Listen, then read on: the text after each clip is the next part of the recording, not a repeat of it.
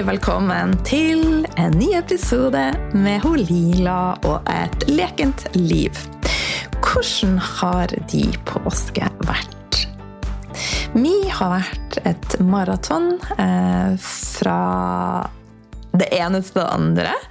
På godt og ondt. Det har vært eh, Nord-Norge, det har vært turer, det har vært natur, det har vært sol, og det har vært ei revolusjonerende tid.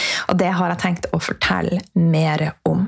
Og så er det jo sånn Når det er ferie og høytider, så får vi ofte se de glossy bildene og highlightsene fra alt som er bare så fint og flott. Og så er det jo viktig da å huske på at eh, det er, livet er ei reise med dualiteter. Det vil eh, være ekstra vanskelig for mange i høytider ofte for at vi ser og å, herregud, hvor bra de har det, og jeg vil også ha det sånn. Eh, så en ting som har endra så mye for meg, er å ha fokus på det jeg sjøl og mine gjør, og også forvente mindre og sette pris på mer. Og når vi møtes mange mennesker som har forskjellige behov, forskjellige ønsker. Og vi er også på forskjellige steder i vår reise. Så kan det by på utfordringer.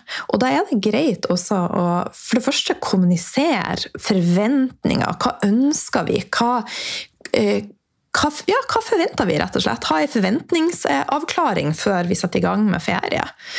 Um, og så er det jo viktig da å huske at vi er forskjellige, og at vi har respekt for hverandre. Og det her er, som jeg sa, det har vært ei ganske revolusjonerende eh, påske for meg. Det har gått veldig mange lys opp for meg, og det er første påska på veldig, veldig mange år. Jeg vil si siden jeg var 13 år, og det begynner å bli 30 Og det er jo helt uh, hinsides, men 34 år siden. Eh, tida, altså. Den går fort. I godt lag. Men det er i hvert fall første påska hvor jeg har følt meg fri på veldig, veldig lenge. Som menneske. Som kvinne. Og kjent at jeg har vært i kontakt med egen kraft. I altfor mange år så var jeg i et mentalt fengsel. Og det fengselet laga jeg meg sjøl. Det var min måte å prøve å lage en struktur i livet mitt på. Kontroller det ytre. Kontroller også det som foregikk på innsida med ytre faktorer. Så istedenfor å møte følelsene mine, tillat meg å møte følelsene. Tillat meg å, å ha ups and downs og snakke om ting så valgte jeg heller å Eller det var det jeg mestra. Jeg hadde ikke verktøyene til de andre tingene. For det, helt ærlig så syns jeg at det være, skulle ha vært mer fokus på i skolen kommunikasjon. Følelser. Det å være menneske. For jeg, jeg kunne veldig mye matte og norsk og engelsk og nynorsk. Men når det kom til å håndtere alle følelsene som jeg hadde på innsida, som jeg ikke visste hva jeg skulle gjøre med, det var langt vanskeligere. Og da tok jeg saken i egne hender og begynte å lage et fengsel for meg sjøl, som etter hvert utvikla seg til anoreksi bulimi, overspising. Og jeg ser at dette er et mønster for veldig, veldig mange. Både menn og kvinner. Men finnes, vi finner hver vår vei å prøve å håndtere dette på. Så jeg har brukt mat for å kontrollere. Og det har vært Altså, Enden jeg starta i når jeg også begynte med healingreise, var mat. For det jeg kunne. Jeg visste hvordan lage mat, jeg visste hvordan mat fungerte. Samtidig, når jeg starta med healingreise, så lærte jeg meg veldig mye nyttig om mat. Og det har gitt læring, det har gitt innsikt, det har åpna nye dører. Og alt som jeg har gjort, alle de skrittene jeg har tatt, alle inn- og utpustene jeg har gjort, har leda meg dit jeg er i dag, hvor jeg har en større forståelse og innsikt enn jeg noen gang har drømt om. Og det var sånn jeg var på skitur. Det var nydelig vær. Sol, skyfri himmel, så å si vindstille. Jeg og mannen min på skitur helt alene. Sett, Det var ingen mennesker. Så sier jeg bare til han vi er nødt til å stoppe. Jeg må bare notere ned dette. Og da var det dette som bare kom ramlende inn i hodet mitt. I altfor mange år har jeg prøvd å kontrollere ting som jeg ikke kan kontrollere, og som jeg ikke gagnes av å kontrollere. Så i påska nå så har jeg følt meg fri. Rett og slett. Jeg har gått fra å være flink pike til fri og frisk! er ikke det ganske, ganske fascinerende? Eh, og det var innsikten jeg, jeg fikk på, på, fjellet. At jeg er ferdig med dietter. Jeg er ferdig med strenge regimer. Jeg er ferdig med å skal prøve å kontrollere. Jeg er ferdig med å la meg påvirke også av hva andre tenker om meg. Det er veldig mye som jeg bare kjenner at jeg har gitt slipp på. Jeg har gitt slipp på dette for å åpne opp for noe nytt. Og det har vært fantastisk. Så nå i påska så eh, har jeg vært på ei reise. Jeg har vært i Bodø, jeg har vært i Meløy, og jeg har vært utenfor Mo i Rana. Eh, jeg har vært hos mange forskjellige eh, familiemedlemmer og fått servert mye mat. Tidligere så var jeg stressa når noen andre skulle servere meg mat. For jeg hadde ikke kontroll hva som var i denne retten. Tror om det var sukker, tro om det var noen konserveringsmidler, tro om det var et eller annet som kunne gjøre meg syk. Så jeg brukte veldig mye energi og tid og ressurser på å, å lage min egen mat. Tid som jeg kunne ha brukt på å, å slappe av. Vært sammen med ungene mine. Vært sammen med familien min. Jeg var redd mat. Jeg frykta at dette skulle gjøre meg syk. Og nå har jeg spist i påska alt mulig. Egentlig alt mulig. Og jeg kjenner meg frisk og rask og fri. Og da gikk det et lite lys opp for meg. Er det maten og tankene rundt maten som har vært verst for meg? Eller er det maten? Er det maten som gjør at vi utvikler sykdommer og allergier og intoleranser? Eller er det summen av stresset og tankene vi har rundt det? Her er det ikke noe fasitsvar. Eh, og jeg er uten tvil eh, der at jeg tenker at det er Jo mer vi kan være knytta til naturen, fra jord til bord, jo bedre har vi det. Men så er det også noe at summen av stress er så viktig for helsa vår. Hvis vi er i fight og flight, så kan vi bare spise så sunt vi vil. Og du vil likevel ha ei stressbelastning på systemet ditt som vil påvirke binyrene dine, HPA-aksen, som vil påvirke hvordan du fordøyer mat, hvordan du fordøyer livet, hva du klarer å ta inn. Det vil påvirke alt. Så det, det som skjedde i påska, det var det var rett og slett at det åpna seg et nytt perspektiv for meg. Jeg så ting på en annen måte. Tidligere, la oss si at du har en elefant foran deg, så kan det være at vi bare er åpne for å se halen. Men etter hvert så kan det hende at vi ser deler av rumpa på elefanten. Og så kanskje vi ser enda litt mer. Og plutselig så er det sånn Wow, jeg ser en hel elefant! Og sånn var det litt for meg i påska. Dette har vært ei reise, og er ei reise, som stadig vekk åpner opp nye dører og bare gir ny innsikt. Og det har gitt meg en innsikt om at tankene vi har rundt mat, er også veldig, veldig viktig. Selv om jeg har genet for å utvikle cøliaki, så dør jeg ikke, har jeg erfart. Om jeg får i meg litt gluten. For den gleden veier opp for så utrolig mye, kontra å skal være i et matfengsel og et emosjonelt fengsel. Så det er jo summen av alt i livet som, som rett og slett er med å, å forme livet ditt. Så det har vært eh, utrolig fint. Og alle skrittene jeg har tatt, som jeg sa, og alt jeg har gjort, har leda meg hit jeg er i dag. Så jeg er så takknemlig for, for denne reisa som har gitt meg denne innsikten. Så jeg kjenner at eh,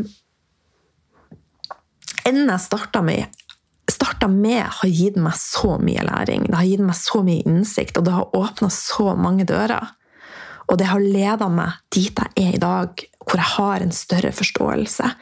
Hvor jeg skjønner hvordan min frykt og min kontroll påvirker min energi og frekvens, som igjen påvirker alle kroppene mine. Og hvis du også er klar til å å lære mer om dette, hvordan du kan komme mer i kontakt med deg sjøl, den lekne delen av deg, hvor du kjenner på frihet og står stødig i egen kraft, hvor du på den måten kan balansere hormonene dine, nervesystemet ditt, feminin og maskulin energi. Så fortsett å henge med meg i sosiale medier på Instagram, og så inviterer jeg deg med på en masterclass. Eh, Lila Women Lek til kvinner. Og det blir neste uke. Eh, og neste uke, det er rundt eh, må jeg tenke, 17., 18., 19. april. Eh, og hvis du blir med i Facebook-gruppa Lila Life, eh, så vil du få informasjon der. Så jeg legger med link til gruppa, og så kommer jeg til å gå live der neste uke, to dager. Og det er gratis. Jeg har lyst til å bli bedre kjent med deg og har lyst til å, å, å sette i gang noen prosesser.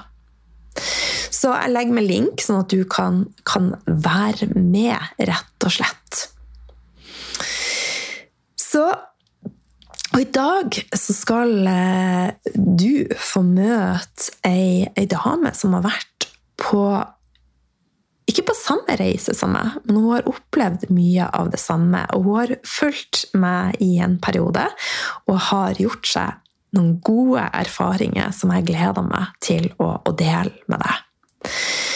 Og det varmer hjertet mitt at sånn som du er med her på denne reisa.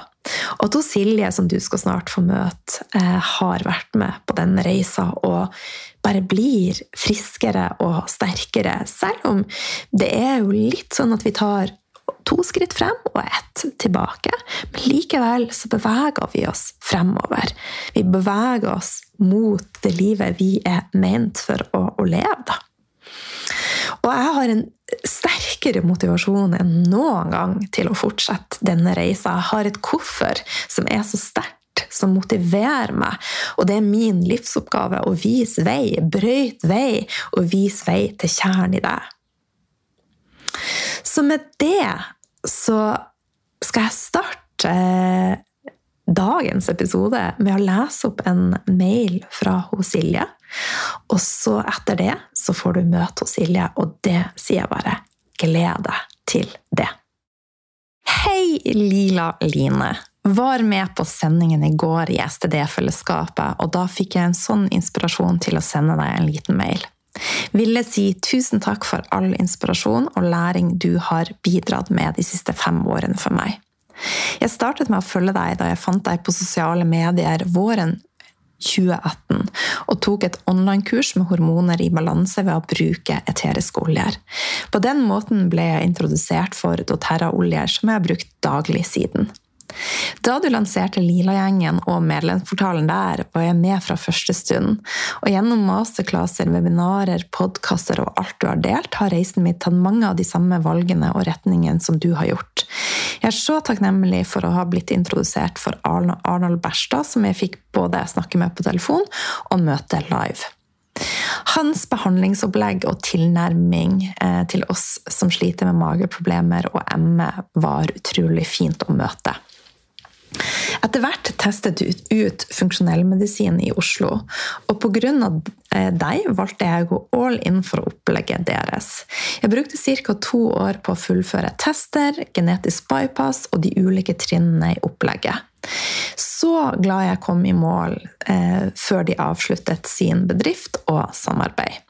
Samtidig som jeg holdt på med dette, introduserte du eh, Anniken Najeli for oss i Lila-gjengen. Og jeg tok også kontakt med henne og hadde et samarbeid på Detox. Eh, og eh, jeg er sikker på at det hadde en positiv påvirkning på opplegget mitt. Jeg har ikke fulgt deg helt inn på den spirituelle delen det siste året, og har ikke vært med på STD-kursene. Men jeg har valgt min egen retning, da jeg har utdannet meg til yogalærer, og etter hvert også meditasjons- og mindfulness-lærer. I det kurset var det en modul som omhandlet tantra. Så da du i ECD-fellesskapet snakket om de energetiske kanalene, og om å få kontakt med denne igjen, så kjente jeg jo bare at jo, det går an. Det var akkurat det vi lærte om i tantra. Og så rett etterpå så sa du nettopp det, at i tantra finner man denne connection. Så da følte jeg på mange måter at ringen var sluttet. Jeg har også endret meg fra å være den flinke piken som skulle gjøre alt riktig, utdannet meg til kostforleder på veien for å finne mer ut hva som var bra for kroppen og ikke, og viktig mat er for oss. Men jeg har også landet eh, på at bildet er så mye større. Og på min reise har jeg landet i meg selv at man må lytte til kroppen for selv å kjenne etter hva man trenger. Og da hjelper det ikke å følge alle mulige dietter for å spise seg frisk, om stresset omkring dette gjør deg enda mer syk og dårlig. Syns det har vært godt og befriende å se og høre deg dele dine erfaringer med mat. Nå kjenner jeg at jeg står stødig i meg selv og stoler på egne avgjørelser om hva som er viktig og ikke for en god helse. Syns fortsatt det er godt å ha et fellesskap som jeg støtter meg i, og setter stor pris på STD-fellesskapet og healingene og alt som skjer i fellesskapet. Så vil bare si tusen takk for at du har vist vei, og for at du har vært tidlig ute med alle mulige ting, både i podkast og i Lila-gjengen. Og nå som det har blitt veldig populært med f.eks. human design i alle sosiale medier, så tenker jeg hm, det har jeg visst lenge om, for det introduserte jo Lila oss for i Lila-gjengen. Og det tror jeg var i 2018, 2018 og sånn. Så tusen, tusen takk, Silje, for at du deler dette. Eh, og denne mailen varmer, og den oppsummerer mye av mine tanker og perspektiver, og at det er så viktig eh, at vi ser en helhet i det vi gjør. Det er så utrolig viktig. Og dette er Silje sin aller første podkast, og jeg er så imponert over henne som bare hopper i det. Og husk at det er utafor komfortsona magien skjer. Eh, og så er det noe med å tillate oss sjøl å være god nok som vi er, og ikke tenke at alt skal være så perfekt. For det perfekte finnes ikke. Og det, min intro og mailen til Silje og det du vil høre i praten med Silje, der vi skal bli mer kjent med Silje, er at perspektivene våre vil endre seg på veien, eh, så lenge vi er åpne for det. Og det er mulig å gjøre endringer fra noe dårlig til noe helt fantastisk. Det handler om å stole på prosessen, stole på deg sjøl og åpne opp for alt som er rundt oss, og tenk at energien vår kan skifte på et blunk, og vi kan åpne opp for at vår energi kan bare make miracles. Så this is a very, very exciting journey. um, og med det så skal vi snart hoppe inn i samtalen med Silje. Og så vil jeg bare minne deg om masterclass neste uke, og bli med i gruppa Lila Women. Eh, der kommer jeg til å dele mer av disse perspektivene, og hvordan vi kan balansere hormonene våre, nervesystemet og eh, feminin og maskulin energi. Masse, masse kjærlighet ifra meg. Og nå er jeg så heldig å ha med meg hos Silje, som skrev den fantastisk fine mailen. Og hos Silje hun har tatt turen fra Oslo, og nå sitter vi her face to face for første gang. Og etterpå så skal vi på Happy Foods og spise vaffel. Men før det så skal du få være med oss eh, på en liten jentesnakk, rett og slett. Eh, og Silje er så glad for at du har tatt turen hit. Ja, dette er veldig spennende. Det er min første tur eh, å være med på podkast. Så, eh, så, nå får vi se hvordan det bærer på brystet. Det, det, blir som det blir. Ja. Det kommer til å gå kjempebra. så bra. Det høres godt ut. Du har manus, og jeg følger på. ja. ja. Du, aller først, hvordan starta du dagen din i dag? Eh, den starta på hotell, så det var jo veldig deilig. Rolig morgen skulle det være, men det har snødd i Oslo. Så klokka seks så begynte de å måke ut forbi hotellet. Ah. Så jeg våkna av eh, en sånn traktor som holdt på å flytte på snøen. Ah. Men det gikk fint. Eh, jeg lå litt lenger, og så sto jeg opp og eh, Hva gjorde jeg først? Jeg drakk en kopp med lunka vann. Jeg hadde ikke sitron. Og så mediterte jeg. Um, og i dag var det litt sånn deilig, for jeg hadde satt klokka på når jeg mediterte, og så når den ringte, så var jeg liksom ikke ferdig. Aha. Og så var det så godt å bare få lov å sitte litt lenge. Ja. Så, så, jeg starta dagen sånn. Tok en dusj, stelte meg, og så pakka jeg, og så gikk jeg ned og spiste frokost med venninna mi. Som òg var på hotellet. Så koselig. Ja. ja. Så da ble det litt tidligere frokost egentlig enn det jeg pleier, men jeg måtte liksom nyte det litt når vi var på hotell. Ja, jeg har også spist tidligere frokost i dag, så jeg skulle møte. deg. Ja, sant. Litt ute av rutinene, egentlig. Pleier vel å spise frokost sånn ja, rundt elleve, kanskje. Ja, samme her. I dag ble det klokka halv ti. Ja. ja. Jeg var sånn ni-halv ti. Ja. ja. Men hvordan er en eh, vanlig start på dagen i, i livet ditt? Altså, Nå var du på hotell. Er det litt det samme, eller? Eh, nei, altså hjemme så er det jo tidlig opp eh, med mannen min og de tre guttene våre som skal opp og ut på skolen. Eh, så da står jeg opp, og så, eh, når de spiser frokost, så drikker jeg vann og en kopp te, grønn te. Og så smører vi matpakker, og så er de ut dørene sånn litt for åtte. Og så da tar jeg tid til å meditere og skrive i boka mi og starte dagen litt sånn rolig på min måte. Mm. Og når du skriver bok, det er dagbok? Ja. Ja. Skrive noen sånne tanker. Litt sånn takknemlighet og litt hva dagen bringer. Eh, det er ikke hver dag jeg husker det, men, eh, men jeg prøver. Jeg liker å ha en sånn ja, liker å ha en dag, eller en start på dagen med det. Mm, så fint. Du, eh, jeg kjenner deg jo litt sånn via du er med i SD-fellesskapet, og du har vært med på, på Lila-reisa siden 2018. Ja.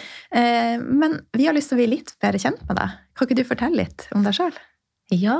Um, jeg kommer jo fra en liten plass på Vestlandet som heter Sauda.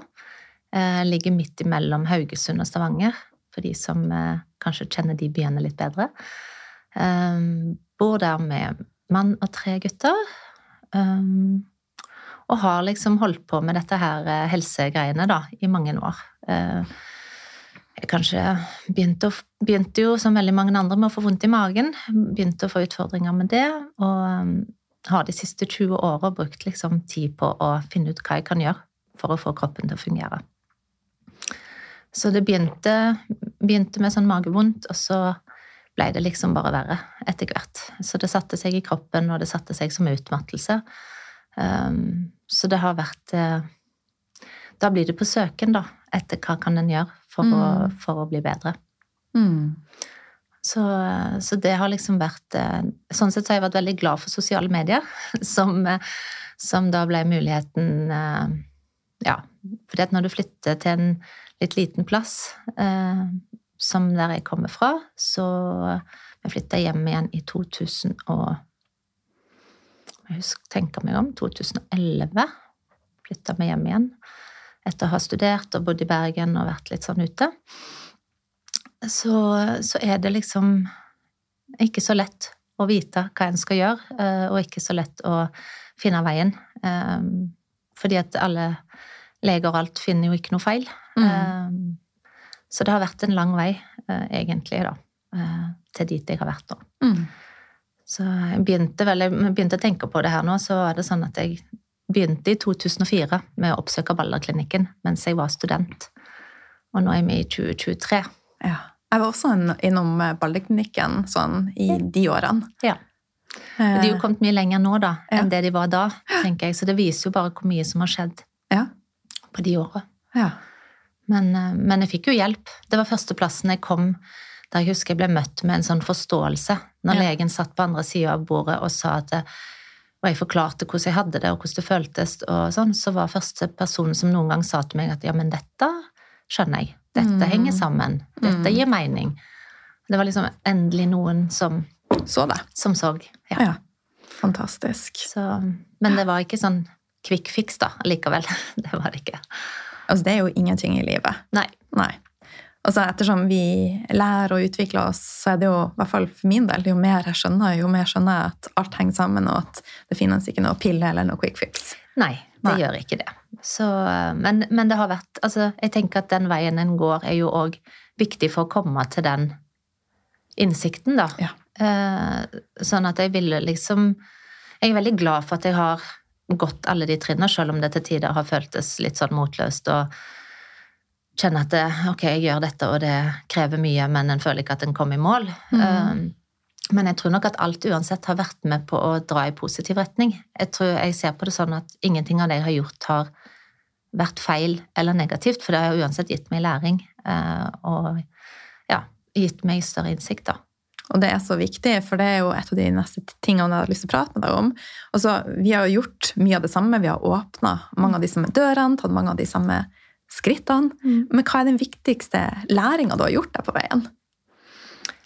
Eh, Det tror jeg var Jeg fikk et sånt lite aha- eller vendepunkt i et eh, gruppemøte når jeg tok, var på funksjonell medisin. Ja.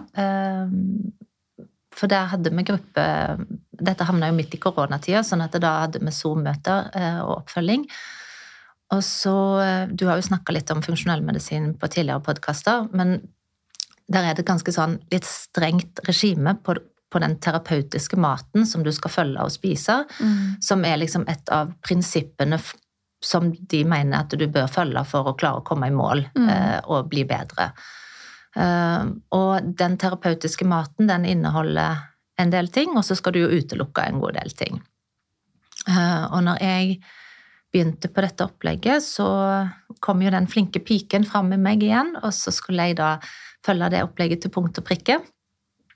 Eh, Sånn at da fulgte jeg og spiste på linser og nøtter og alt det som, som de anbefalte, og ble dårligere og dårligere.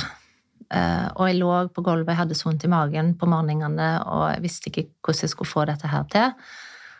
Og så kjente jeg bare til slutt at eh, det går ikke. Jeg kan ikke spise. altså Jeg må liksom kjenne etter at eh, selv om det skal være bra, så kan ikke dette være bra for meg når jeg blir så mye dårligere. Mm. Og så hadde jeg jo òg sett at du hadde spist, eller fulgt den automune protokollen tidligere, og jeg hadde jo også kontakt med Anniken Najeli på det tidspunktet og diskuterte med henne. Så jeg ble enig liksom med meg sjøl og med innspill fra hun at jeg kutta ut alt av linser og bønner og nøtter som jeg visste var triggerpunkter. Eh, Og så tok jeg heller inn litt andre ting som jeg visste at fungerte for meg, men som kanskje ikke inngikk i den terapeutiske maten. Mm. Og så skulle vi ha et sånt gruppemøte med han legen, og så skulle alle fortelle hvordan det lå an i prosessen, og fortelle det, ja, hvor langt de var kommet, og hva de gjorde, og sånn. Og jeg husker jeg hadde sånn der eh, klump i magen eh, og var skikkelig stressa, fordi at jeg, når det var min tur, så skulle jeg fortelle at jeg ikke fulgte opplegget sånn som de mente at jeg burde gjøre. Mm. Og det var for meg eh, noe som jeg ikke syns var så enkelt, fordi at jeg liker best å gjøre, følge reglene og gjøre det som ja, blir, betalt, blir fortalt. Og forventa av Og forventa, ja, fordi Mm. at jeg hadde jo Dette var veldig sånn Det opplegget er jo veldig sånn at dette må du gå inn for, og hvis du skal fullføre dette og få en effekt De var veldig tydelige på at det, det var du sjøl som var eh, drivkraften, og hvis du valgte å ikke følge opplegget, så kunne du heller ikke forvente resultater. Eh, og det koster jo penger, og jeg hadde liksom investert både tid og penger i dette her, og tenkte at det, dette skal jeg få til. Mm. Og da var det jo på en måte òg litt nederlag å innse at jeg ikke klarte det. Men så tenkte jeg for første gang at eh, jeg må gjøre det som kjennes rett for meg. Mm. Eh, og når jeg da fortalte det i den Zoom-timen med den, i gruppa, og jeg husker at jeg liksom var veldig spent på hva reaksjonen kom til å bli, og så husker jeg så godt at han eh, legen sa at eh, eh, ja, nå vil jeg at dere skal høre på Silje og det hun har sagt, for det eh, Hva var det han sa? Dette er ordene til en, en aktient som tar eh, Virkelig lytter til kroppen sin og tar bevisste valg. Og de var veldig opptatt av at vi var aktienter og ikke pasienter, fordi at vi aktivt skulle liksom gjøre den Mm. Og jeg ble så glad når han sa det, for jeg tenkte at ja, da er det rett, det som jeg har kjent på. Men så sa han i neste setning at når det er sagt, så vil jeg ikke at dere andre grupper her skal begynne å gjøre akkurat de samme tingene som det Silje nå har gjort. Fordi at hun har vært på ei reise så mange år og så lenge, og hun kjenner kroppen sin på et sånt godt nivå at hun kan si dette og ta det valget basert på erfaring. Det, det er det ikke alle av dere som har samme referansepunktet. Men Silje hun har tatt et valg som jeg støtter fullt og helt. Mm. Og da, når han sa det, så tenkte jeg at der og da liksom landa jeg i meg sjøl. At nå, nå kan jeg stole på at det som føles rett på kroppen min, det er det jeg skal gjøre. Mm. Og det tenker jeg kanskje han frarøver alle de andre. For at det er jo ikke noe fasit her på når vi klarer å kjenne vår egen kropp, og når vi eh, vet hva som er rett. Altså, ofte så har vi jo en intuisjon, en magefølelse og en hjertefølelse, Mm. mens vi blir fortalt av alle andre at Nei, nå skal vi holde oss til fakta. Yep. Så det frarøver han de litt, da. Sorry. Ja, han gjorde nok det. Og så Ja. tror jeg nok at de gjorde det med De gjorde det med en omtanke, og de gjorde det med en god eh, hensikt. Ja, Fordi at de ønska at eh, Fordi at for de fleste så funker det jo på Mm. den måten. Mm. Eh, Men så er det nok noe med det at min tarm var på det tidspunktet, og er jo fortsatt, men eh, var så skjør at de eh, Altså, det var for hardt for magen min å Mm. spise de tinga. Eh, Ja, det er bra næringsmessig og alt dette her, Mm. men det hjelper ikke når ikke min tarm og mage klarer å forholde seg til det. Ja. Så, så det var liksom Det er vendepunktet litt. Ja. eh, Og det er liksom det jeg kjenner på at kroppen skal vise vei, da. Mm. Takk som deler. Men en ting som jeg sitter igjen med her også, som jeg ser har vært en sånn rød tråd for min del, da, eh, er jo at jeg har vært veldig redd mat. Ja. Eh, og så de siste årene så har jeg jo fra å, som, jeg, som du nevnte, jeg skrev bok om det autoimmune protokollen, Mm. eh, og jeg fulgte det, og da luka jeg jo bort en etter en ting, sånn som du også gjorde. Og hva forteller jeg meg sjøl og systemet mitt da? Eh, Så jeg programmerer jo meg sjøl på mange måter også til at dette ikke er bra for meg. Mm. Så det er så mange ting som eh, Det er akkurat som det åpner seg nye perspektiv, da. Mm. Så jeg vet ikke hva du tenker om dette, om tankene du har rundt mat, og eventuelt følelsene du har rundt mat, at de også kan ha noe å si. Det tror jeg absolutt. Eh, Og jeg merker jo på kroppen min at eh, Jeg har sett sånn tilbake i tid at jeg tåler Altså, det er jo mat som gjør meg bedre enn en annen type mat. Altså det, det, er jo noe som jeg tåler bedre enn andre ting, Mm. men det vil òg ha noe å si hvordan kroppen min er, hvordan stemningen er, hvordan alt er rundt, Mm. hvordan jeg opplever å få det i meg. Mm. Så jeg, i en god periode, i en god setting, så kan jeg spise ting som egentlig trigger systemet, uten å få store reaksjoner. Mm. Men så kan jeg spise det samme en dag der, du er, der jeg er nedpå, sliten, stressa, og få en helt annen reaksjon. Mm. Uh, nå er det sånn, Jeg har faktisk aldri egentlig hatt noe sånn frykt rundt mat. Jeg har aldri, aldri hatt noen utfordringer med mat. Jeg har alltid vært glad i mat. Ja. Uh, Og når jeg ser tilbake på de 20 åra der jeg har slitt sånn med å være så mye dårlig etter å ha spist, så er det egentlig litt sånn fascinerende at jeg fortsatt har den gleden med mat. Ja. Selv om jeg til tider ønsker meg intravenøst. Fordi at uansett hva jeg spiste, så ble jeg så dårlig. Jeg hadde ingen energi etterpå. Mm. Sånn at kroppen fungerte best de dagene jeg ikke spiste. Men det hadde ingenting med at jeg var redd for maten, i Nei. mitt tilfelle. Eh, mm, Men det er klart at når en sier det, så vil det jo etter hvert komme en sånn frykt fordi at jeg så mange ganger opplevde å bli så dårlig Mm. at du til slutt ble usikker når jeg spiste, fordi Mm. at jeg visste ikke hva utfallet kom til å bli. Mm. Og da snevrer det seg jo veldig inn.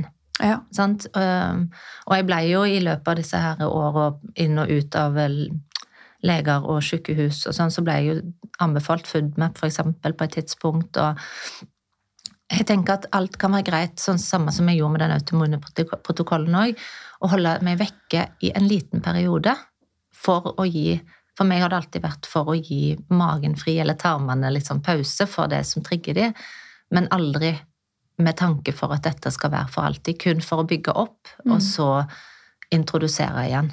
Mm. Um, og jeg, jeg merka jo veldig stor forskjell etter jeg tok en sånn eh, kraftkur.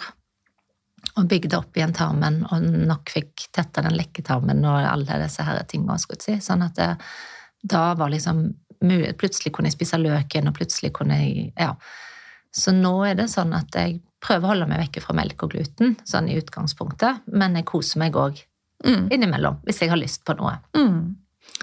Men eh, jeg er veldig glad for at jeg ikke har egentlig noe sånn frykttanker rundt det. Nei, det er bra. Ja.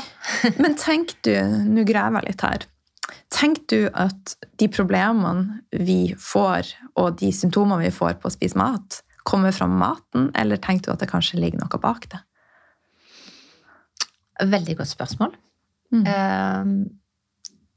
Jeg tror at Jeg syns det er vanskelig å vite hva som kommer av høne og egget, skulle jeg til å si. Fordi at eh, sånn som i mitt tilfelle, sånn, så har jeg Jeg kan forklare det medisinsk, hvis jeg skal si det på den måten, med mye penicillinkurer i ung alder og veldig mye sånn ting som lå til rette for at jeg skulle få en dårlig tarmflora og dårlig tarmhelse. Mm. Men så er det jo òg den andre biten som kom inn, som for min del var i stress.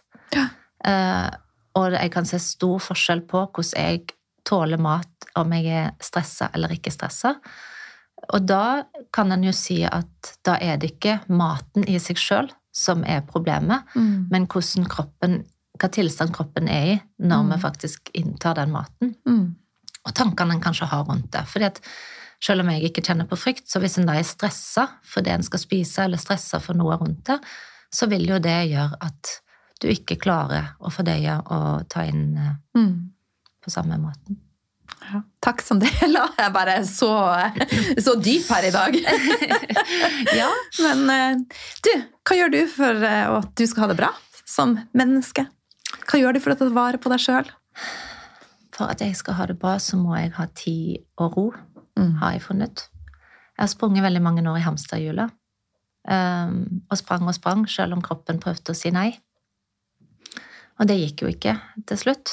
Uh, så for å ha det godt, og for å være en god utgave av meg sjøl, så må jeg ha ro. Uh, tid til å gå i, ut i naturen, helst en tur på hytta, som er min friplass. Blitt veldig eh, Ganske fascinerende å se hvordan mye meditasjon eh, har hjulpet meg. Så for at jeg har en god dag, så skal jeg egentlig eh, meditere. Mm. Um, eventuelt rolig yoga. Sånn at jeg er til stede her og nå. Tar meg i det og sjekke inn med meg sjøl. For de dagene da du bare liksom springer, står opp, og så skal du rekke noe, og så skal du videre, og så skal alt Ja, jeg får ta det seinere, eller jeg må bare, nå må jeg bare få gjort dette her. Så, så kommer det til Jeg kom til et punkt der jeg følte at jeg aldri hadde tid til noen ting lenger. Og eh, sjøl når jeg da satt der totalt utmatta og ikke egentlig gjorde noen ting en dag, så hadde jeg allikevel ikke tid til noe. Føltes det som. Mm. Um, Og det er en tankevekker, og det tror jeg mange kjenner på. Så det å ta tida tilbake ble for meg en sånn viktig greie. Veldig vanskelig når du er litt sånn utålmodig av person og har lyst til å være veldig effektiv, som du har vært, og som er liksom kjennetegnet på deg. Og så skal du plutselig være fornøyd med å bare være. Eh, Det var det mange år siden jeg liksom hadde gjort. Mm. Så, så for meg er liksom det blitt uh, Hvis jeg, jeg må få tid til å være. Og da kan det ikke være noen stressmomenter rundt meg. Og det er kanskje grunnen til at jeg uh, i en periode gikk veldig mye på hytta. Fordi at der var det mye mindre ting uh, rundt meg som måtte tas aksjon på. Ja. Det var lettere å bare være der Mm. enn hjemme, for hjemme så er det alltid noe som skal ryddes og ordnes, en vaskemaskin, en oppvaskmaskin og Ja. Så du må, jeg måtte liksom fjerne meg ifra alle de eh, daglige tinga der for Mm. å klare å finne roen. Og nå klarer jeg det bedre. Um, men, eh, men jeg må fortsatt ha sånne sett av tid til å gjøre de tinga for at det skal være eh, Ja, for å ha det bra. Mm. Og så er det litt sånn at hvis de rundt meg, familien min, har det bra, og de er fornøyd, så er jeg fornøyd samme hvor jeg er. Ja. For for meg er det så viktig at de har det bra. Altså, vi er jo en symbiose, så, Ja. ja. Ja. så det vil jo påvirke hvis andre har det vondt. Eh, Ja. Og det er liksom det at eh, Det er klart at det er selvfølgelig søskenkrangler og diverse i en familie og alt dette her. Um, og det har ikke alltid kanskje vært det letteste å takle når mitt nervesystem har vært helt eh, i krisemodus. Men eh, det å ha rolige, fine stunder med de nærmeste, det er det som eh, gjør meg best. Mm. Når du sier at du mediterer, er det noe spesiell meditasjon du bruker, eller Eh, Som regel så bruker jeg sånn stille meditasjon. Jeg husker at når jeg tok yogalærerutdannelsen min, eh, så lærte vi litt òg om, om det med meditasjon. Og jeg husker vi fikk litt sånn oppgaver at prøv å meditere ti minutter på morgenen og ti minutter på kvelden, og så Mm. utvider du til 15 minutter, 20 minutter. Og jeg prøvde, og jeg prøvde å sitte der, og klarte ikke å finne roen. og ja. Så det var en lang vei å gå, eh, men det var først når jeg da tok eh, utdannelsen som meditasjon- og mindfulness-lærer at jeg fikk gode verktøy, og fikk liksom lært ulike teknikker Ja. som hjalp meg å, å lande. Så sånn morgenmeditasjon liker jeg egentlig best helt stilt, og bare være. Men jeg kan òg visualisere eller bruke aum mm. som lyd. Eller eh, se for meg sjakraene. Um, men aller mest bare den der eh, sette seg ned helt stilt i Det holder med eh, noen Altså får jeg ikke tid til mer enn fem minutter, så er det òg greit. Mm. Men bare det å ha de minuttene. Og så er det luksus de dagene når du setter klokka på et kvarter, og så føler du at det har gått to minutter. Og så er det andre dager der du syns at de ti minutter snegler seg av gårde, og du liksom kjenner at kroppen bare stresser og vil videre. Så jeg skal ikke si at jeg eh, Jeg er ikke sånn at jeg setter meg ned og bare liksom helt flate ut og er til stede. Det er en lang vei igjen, men bare det å allikevel sette seg ned og gjøre det, Ja. eh, er liksom eh, Ja. Så jeg, jeg bruker mye bare stille meditasjon, eller et lys. Mm. I mørketida så kan jeg ha lys, tenne lys for meg og se på lyset. For å slippe at tankene flyr sånn. Mm. Det er lenge siden jeg har gjort. Nå er jeg påminnet om, om det. Og har jeg en veldig dårlig dag og er veldig sliten, da klarer jeg ikke, som regel. Da klarer ikke kroppen å fokusere. Eh, da bruker jeg gjerne yoga nidra. Mm. og legger meg ned og tar det.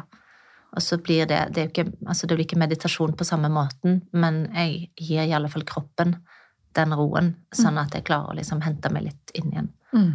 Og da kan jeg kanskje meditere etterpå, når jeg da har kommet dit. Ja. Hm. Du, hva gjør at du står stødigere i egen kraft eh, og stoler på deg? Altså, meditasjon vil jo være én ting, og mm. alenetid, som du har mm. prata om, og det å bare få være, det andre ting? Jeg tror nok at det å være i et fellesskap eh, med andre som som òg eh, gir impulser og støtte i det, der du er i prosessen, uh, har vært veldig godt å ha. Mm. og det er jo liksom Jeg har jo opplevd det både under de utdannelsene jeg har tatt, og gjennom Lila-gjengen Lila og STD hos dere, eller hos deg som òg er blitt uh, Susanne nå. Eh, men det å liksom føle seg trygg med noen andre og vite at eh, den jeg er, er greit å være, og at jeg har verdi i den jeg er, det har vel liksom Ja. Og det kom jo, begynte med meditasjonen. Mm. Og så fellesskapet og støtten rundt. Det å dele prosessen når du er i en utvikling som gjorde at en da står stødigere eh, og takler litt mer når det stormer. Mm. Og så detter en jo tilbake igjen, da. Eh, faller jo alltid ned igjen litt, og så prøver en på nytt. Men eh, Det er jo en evig syklus. Det er en evig syklus. Ja. ja. Men, eh, men, pusten. Ikke bare meditasjon, men pusten. Bruke aktivt pusten for å lande i meg sjøl. Mm. For jeg eh, gikk så mange år og bare holdt pusten Det tror jeg mange gjør. Ja.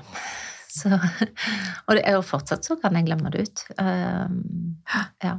Men det er liksom bevisst bare Ok, slipp ut magen, pust nå. Mm. Så kjenner jeg at ok, jeg kan det jo, liksom. Og det er bare å tenke på hva som skjer fysisk når vi faktisk mm. stenger av pusten her oppe. Mm. Altså, alle organene våre får jo ikke det de trenger da de trenger jo sirkulasjon fra pusten, og, så det blir jo total stagnasjon. Mm. Ah, så det er så viktig. Slipp ut magen, folkens, og ja. bare kjenn at dere Jeg kjente det jo nå når jeg sitter her. Sant? Litt sånn eh, spennende og litt nytt. Sant? Så skal det ikke mer til før en liksom knytter seg litt. Og, ja. Nå kan du få lov å slippe ut magen nå, ja. Silje. Nå er vi kommet dit at vi kan få lov til det. Ja. Så det er bra. Ja. Og det tror jeg òg generelt, vi damer, at um, veldig mange av oss går og holder inn magen også, for mm. vi Ja. Det er liksom, skal se bra ut òg. Ja. Det er litt sånn skam rundt det å skal ha en, en myk, deilig, flagrende mage. Ja. Slipp det! Ja. ja. Be yourself! ja. Nei, den, den, sitter jo i, den derre, sant, at du Ja. Og, og, i alle de åra, jeg tror kanskje hos meg òg alle de åra jeg sleit uh, med maten, så var jo det første Altså, jeg gikk jo rundt og var sånn tre måneder gravid hele veien. Ja. Og det var jo ingen god følelse. Hverken, altså det var ingen god følelse sånn fysisk, men det var jo heller ingen god følelse å føle seg så oppblåst. Uh, så det å henge Altså, jeg tenker det å bli jo en sånn del av det, at du automatisk ikke vil være der. Ja. Men det er jo naturlig at magen beveger seg uh, og er forskjellig i løpet mm. av en dag og i løpet av en syklus. Ja, ja, ja. Men, men, det var jo ikke naturlig at han skulle være sånn som han var da når jeg var skikkelig dårlig. Eh, det var det jo ikke. Men det henger nok i. Mm. Bare, jeg tenker også pusten, hvor viktig den er for faktisk å ha en normal tømming av tarmen. Altså Hvis vi går og bare er anspent, så, så vil det jo stoppe opp peristaltikken. Og, Definitivt. Ja. ja.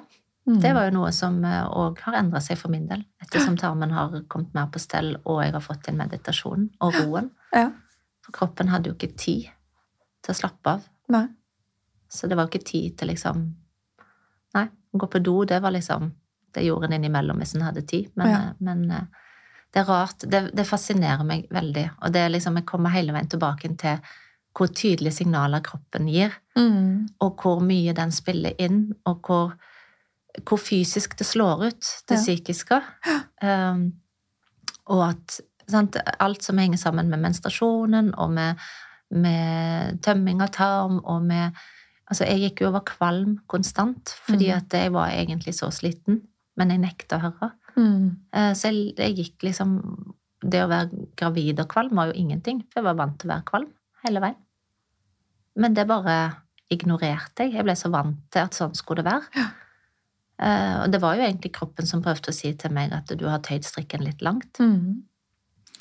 Eh, men, men i mitt hode så var det på en måte ikke langt, da. For jeg følte jo ikke at jeg hadde gjort altfor mye. Men, men ifølge min kropp, da, så var det for mye. Mm. Og det, igjen, det er så mange som bare tøyer denne strikken Ja. altfor langt, og så glemmer vi at systemet snakker til oss. Mm. Og da tenker jeg at en, en konsekvens av det er jo at mitt system nå selv om jeg har kommet eh, et skritt på veien og har balansert det mer, og alt sånt, så, så har jeg nå et system som er veldig reaktivt, som tåler veldig lite, Ja. fordi at jeg har tøyd den strikken så langt. Ja. Så det skal ikke så mye til før det på en måte går i stå. Så jeg må eh, Og det er òg en sånn ting å akseptere, anerkjenne. eh, At jeg må leve et roligere liv, Mm. eller må ta mer hensyn for at jeg skal kunne liksom fungere på en tilfredsstillende måte, da. Ja. Og jeg har òg litt, eh, litt på den måten, men så, i går så hørte jeg eh, om ei bok, jeg fikk bare lyst til å finne den frem, som er, jeg føler den er skrevet til meg av deg, eh, som går på det her med, den heter Antifragile. Antifragile. Yes. Ja. Så det er rett og slett eh, for å lære seg å bygge opp den toleransen igjen. Ja. For jeg forteller jo også meg sjøl at jeg er sensitiv, at jeg er skjør, og at jeg trenger å, å ta de og de forhåndsreglene. Eh, Og der har jeg begynt å leke med nå. Kan jeg kanskje begynne å utvide det perspektivet? Trenger jeg å være skjør for resten av livet? Mhm. Kan jeg leve i takt med naturen, Mhm. men ikke være skjør, hvis du skjønner? Men å lære meg bare å lytte? Ja. Ja. Det er kjempespennende. Mm. Og jeg har vært litt der nå eh, Fra jul så har jeg liksom kjent på Eller etter jul så har jeg kjent på mer energi enn det jeg egentlig har gjort på veldig, veldig, veldig mange år. Og Mm. da en glede, fordi at det plutselig fungerer i kroppen litt. Jeg kan gjøre ting som jeg ikke kunne gjøre før. Mm. Uh, og da er det òg den gleden, og den kommer òg med en liten sånn baktanke, eller en litt sånn der eh, Litt skummelt. Fordi at uh, Hvor lenge varer det? Eller hva, hva hvis jeg mister det igjen? For at når du, når du da har kjent på den lille blaffet, som har vært for min del vekk i mange år, da, Mm. så, så har du så veldig lyst til å holde på det. Mm. Og så har du så lyst til å oppleve mer av det, og ikke dette ned igjen der som du har vært. Og så blir det litt sånn der balansegang. Skal du skal du tørre å liksom utfordre mer, eller Mm. skal du legge deg på lading eh, alternativt? Ja. Eh, det husker jeg, sant. Jeg har jo vært på sånn opplegg med han Stubbhaug, eh, en, eh, en som driver et sånn forskningsmetode. Ja, metode. eh, jeg skal si hjelper veldig mange med ømme. Og han husker jeg sa det at eh, du må Du må eh, tørre å tro på at du kan klare for å liksom lære kroppen igjen å gjøre de tinga. Og så må du heller gå på noen smeller, da. Mm. Eh, Så da, det som jeg kjenner på nå, det er at ok, om du går på en smell eller eh, får, sant, får verk i kroppen etter å ha gjort ting og sånn, så, så er ikke det Jeg blir ikke redd. Du har snakket om å være redd for mat. Jeg har ikke noe med det, men jeg kan kjenne på en sånn av og til en panikk for å havne i det der eh, og ikke orke noen ting, Ja. sånn som jeg har vært. Ja. Eh, For det er så totalt lammende når du Ja. sitter og ikke egentlig orker å løfte en arm. Kan ikke lese for du blir kvalm. Um, og der, der, det kjenner jeg kan være litt sånn panikkfølelse. Men nå er jeg ikke Når jeg kjenner på de um, signalene eller symptomene som man kan få etter å ha liksom pusha litt, så vet jeg hva det er. Jeg vet kroppslig at dette er en reaksjon på sånn og sånn, og jeg vet at det går over. Mm. Eh, Så det òg tror jeg er med på å hjelpe. Så hvis vi nå i dag i tillegg skal lese den boka som du anbefaler, at vi da kan si at vi er ikke Vi har et nervesystem som bygger seg opp, og ikke er Mm. skjørt, så er det Kan vi bare nå nye høyder. Og ja, og også lære oss sjøl å, å stole på kroppen, at den er veldig, veldig smart, så lenge vi lytter til den. Mm. Og det har jo både jeg og du ikke gjort i altfor mange år. Ja. Så da Skulle jo gjerne lytta litt tidligere, da. ja. Hvis jeg skulle gjort noe om igjen, så skulle jeg gjerne begynt å høre etter litt før. ja. Men samtidig, jeg kan ha tenkt de tankene. Jeg, skulle, jeg sa også til ei venninne at jeg skulle ønske jeg kom over dette tidligere. Og, men samtidig så er jo alle stegene vi tar, er jo med å lede oss i ei retning og åpne opp nye perspektiv. Ja. Så kanskje vi ikke hadde vært her vi var i dag hvis ikke vi har opplevd og gjort alle de tingene vi har gjort. Nei, og, og det tror jeg litt sånn som jeg snakket om i starten òg, med det funksjonell medisin og liksom alle de tingene jeg har og Balderklinikken sant, for 20 år siden snart. Um, jeg tror ikke vi hadde vært modne for, eller åpne for, de neste trinnene hvis en ikke hadde hatt all, uh, alle de andre trinnene først. Mm. Uh, men det er klart at uh, akkurat den biten sitter jo litt langt inne og liksom omfavner, da. Mm. For det er jo Det har jo påvirka livet Ja. i de åra. Mm. Eh, Det har det. Ja. Ja. Men om du kunne gi altså Du er veileder og kunne gi noen tips til noen som er helt i startgropa. Altså, det er den gamle Silje. Hva ville du ha sagt? Gamle Silje. Da må det bli uh, å prøve å høre etter. Prøv å ta signalene. Mm. Eh, hvis du kjenner at noe skurrer, eh, så ta deg tid til å sette deg ned og, og liksom fundere på hvorfor skurrer det. Hva Mm. er det her som er feil? Eh, og så leit etter hva som gir deg glede. Eh, for det ble litt sånn tydelig for meg etter hvert at eh, det å gjøre ting som gir deg sånn indre, sånn der boblende glede, sånn som du egentlig kanskje ikke kjent, har kjent på siden du var liten, liksom. Eh, når du tar de avgjørelsene, eh, da vet du at du er på rett vei. Mm. Men hvis det er sånn at ja, ja, men jeg, men jeg klarer dette, jeg skal bare gjøre det, og så blir det bedre, og så Da er det noe som ikke stemmer helt. Mm. Så om det er vondt Altså, noen sliter med migrene, noen har vondt i ledd, noen er slitne og orker ikke, noen har vondt i magen, reagerer på mat. Og det er jo som vi har snakket om nå, alt, alt henger jo sammen på et eller annet vis. Så begynn med å liksom jeg skulle si lytt innover, det er så oppbrukt. Men, men kjenn etter, da. er Ja. kanskje mitt eh, Ikke, ikke altså lytt, men, men kjenn i Ja. kroppen Mm. eh, når jeg gjør dette. Og jeg sier ikke at du skal slutte å gå på jobb, eller at du skal liksom Men, men kjenn litt etter. Er det noen mønster? Eh, Er det når jeg gjør disse tingene at det blir sånn? Er det når jeg er med de personene? Er det når jeg spiser den maten? Hvor er det det, liksom? Så kan en kanskje finne sin trigger. For det er liksom mitt, mitt mantra, skulle jeg si, at en finner Alle har sine punkt som trigger en. Eh, og alle vil ha et punkt som er viktigere enn eh, de andre. Og hvis du kan finne det og begynne å jobbe med det, så vil kanskje de andre tingene falle på plass. Mm. Ja. Mm. Det var ikke noe sånn enkelt svar. Nei, men det er jo ingenting som er enkelt. Det var ikke sånn ta to av den tabletten der, liksom. Nei, men Nei. det Det, det funka ikke. Nei. Så eh, det legger vi bak oss. Men vi har begge gått ifra å være eh, skikkelig flink pike til å bli litt mer eh, Ikke rebell, men eh, vi er i hvert fall litt flinkere begge to til å, å lytte. Ja, Ja. det har vi kanskje. Eh, Jeg øver meg stadig. Ja. Jeg er ikke like flink pike som jeg har vært. Eh, Og jeg vet ikke hvor det kommer fra, men det har bare alltid vært der. Ja. Og jeg tror det er en sånn Jeg er storesøster, og er alltid liksom vant til å passe på. Ja. Så, så det å legge vekk litt Jeg syns det er bra å være flink Altså, jeg syns det er bra å, å være opptatt av å levere bra og gjøre Mm. gode ting, men det skal ikke gå på bekostning av en sjøl. Og det har du kanskje gjort både for meg og deg, da. At vi har liksom satt det andre foran. Mm.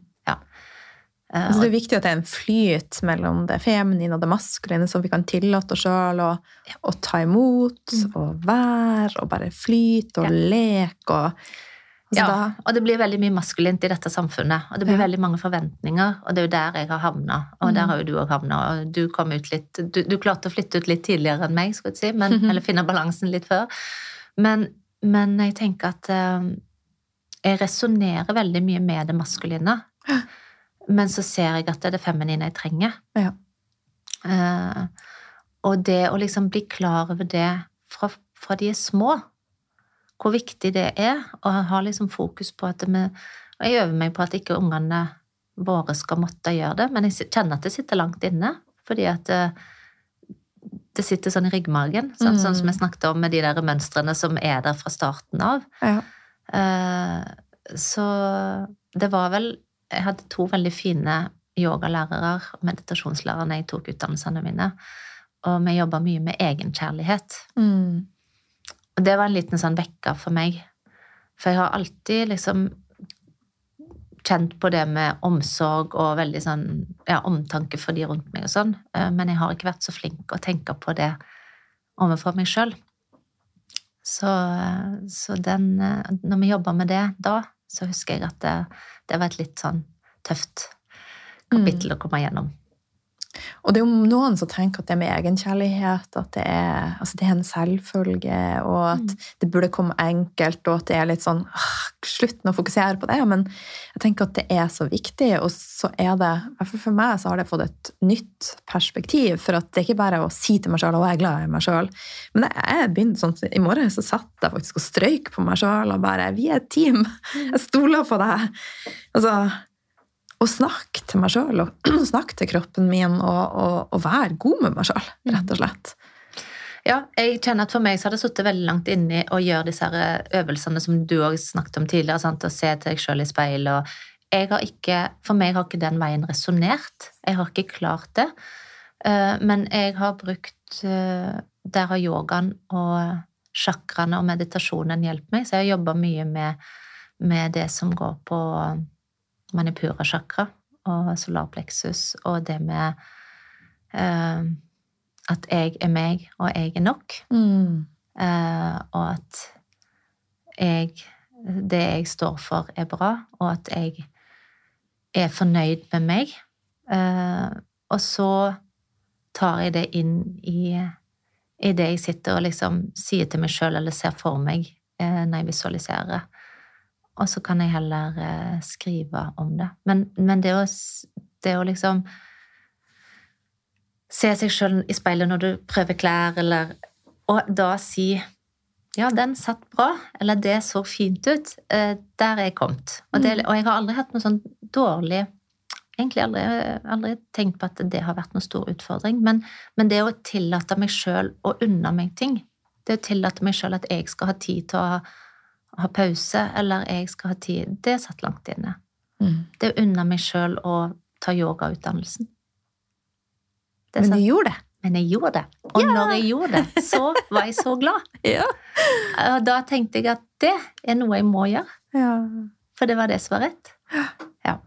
Så, så jeg tenker at uh, bare bli bevisste. Mm.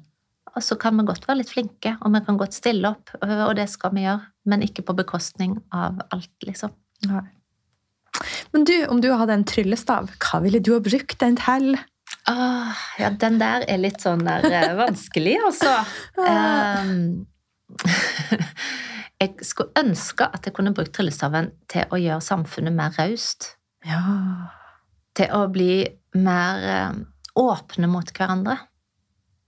At vi ikke Altså, jeg føler liksom at det går i feil retning. Um, sånn sjangrene snakker på, liksom. Ja, hvis vi hadde vært mer åpne og inkluderende. Mm. Så enig. Så det ville jeg tatt sånn tryllestav utover hele jordkloden. Wow. jeg hadde jo Elin Aamodt med meg i forrige episode. Jeg spurte henne samme spørsmålet, og hun sa hun ville ha brukt den til å ta nordlysstøv og strø utover hele samfunnet for Ja. å åpne opp hjertene våre. Og egentlig litt samme svarene. Ja, det hørtes jo litt det samme. Ja, det er litt sånn jeg ser for meg. Hun skulle også strø det ut. Å, og du har ikke hørt episoden til Elin? For Nei. Nei. Nei, det har jeg ikke. Absolutt. Veldig, veldig fint. Du, hvor kan eh, lytterne treffe deg? Ja, Utenom i Sauda? utenom i Sauda. Nei, jeg, eh, jeg er ikke sånn veldig eh, ute ennå, men jeg har en Instagram-konto eh, som heter Silje Fatnes, som er mellomnavnet mitt. Eh, der jeg deler litt av livet mitt, eh, og prøver å gi litt sånn tips og gode råd til, fra min hverdag, hva som kan eh, hjelpe andre. Um, og så eh, har jeg et prosjekt på gang, så kanskje det kommer det litt mer der eh, nå framover. Eh, for i høst så gjorde jeg en, en ny ting som er til glede for meg sjøl, så da meldte jeg meg på noe som heter Forfatterprogrammet med Tina Holt. Ah. Så, så nå holder jeg på med et lite bokprosjekt. Ah. Ja. Så jeg håper at jeg skal bli litt mer aktiv og dele litt mer. Og så eh, ja, er det bare å ta kontakt. Og Tina er rå. Tina er rå. Ja. hun er en rå coach. Mm. Så jeg har hatt noen timer med hun, og hun er fantastisk. Ja, veldig, veldig fin. Ja. Mm. Så, eh, så jeg er der. Jeg eh, har en drøm om en tanke om etter hvert, kanskje. Altså, jeg har jo tatt kostholdsveileder, jeg er yogalærer, jeg er meditasjonslærer. Jeg har lyst til å hjelpe andre, jeg har lyst til å jobbe med det.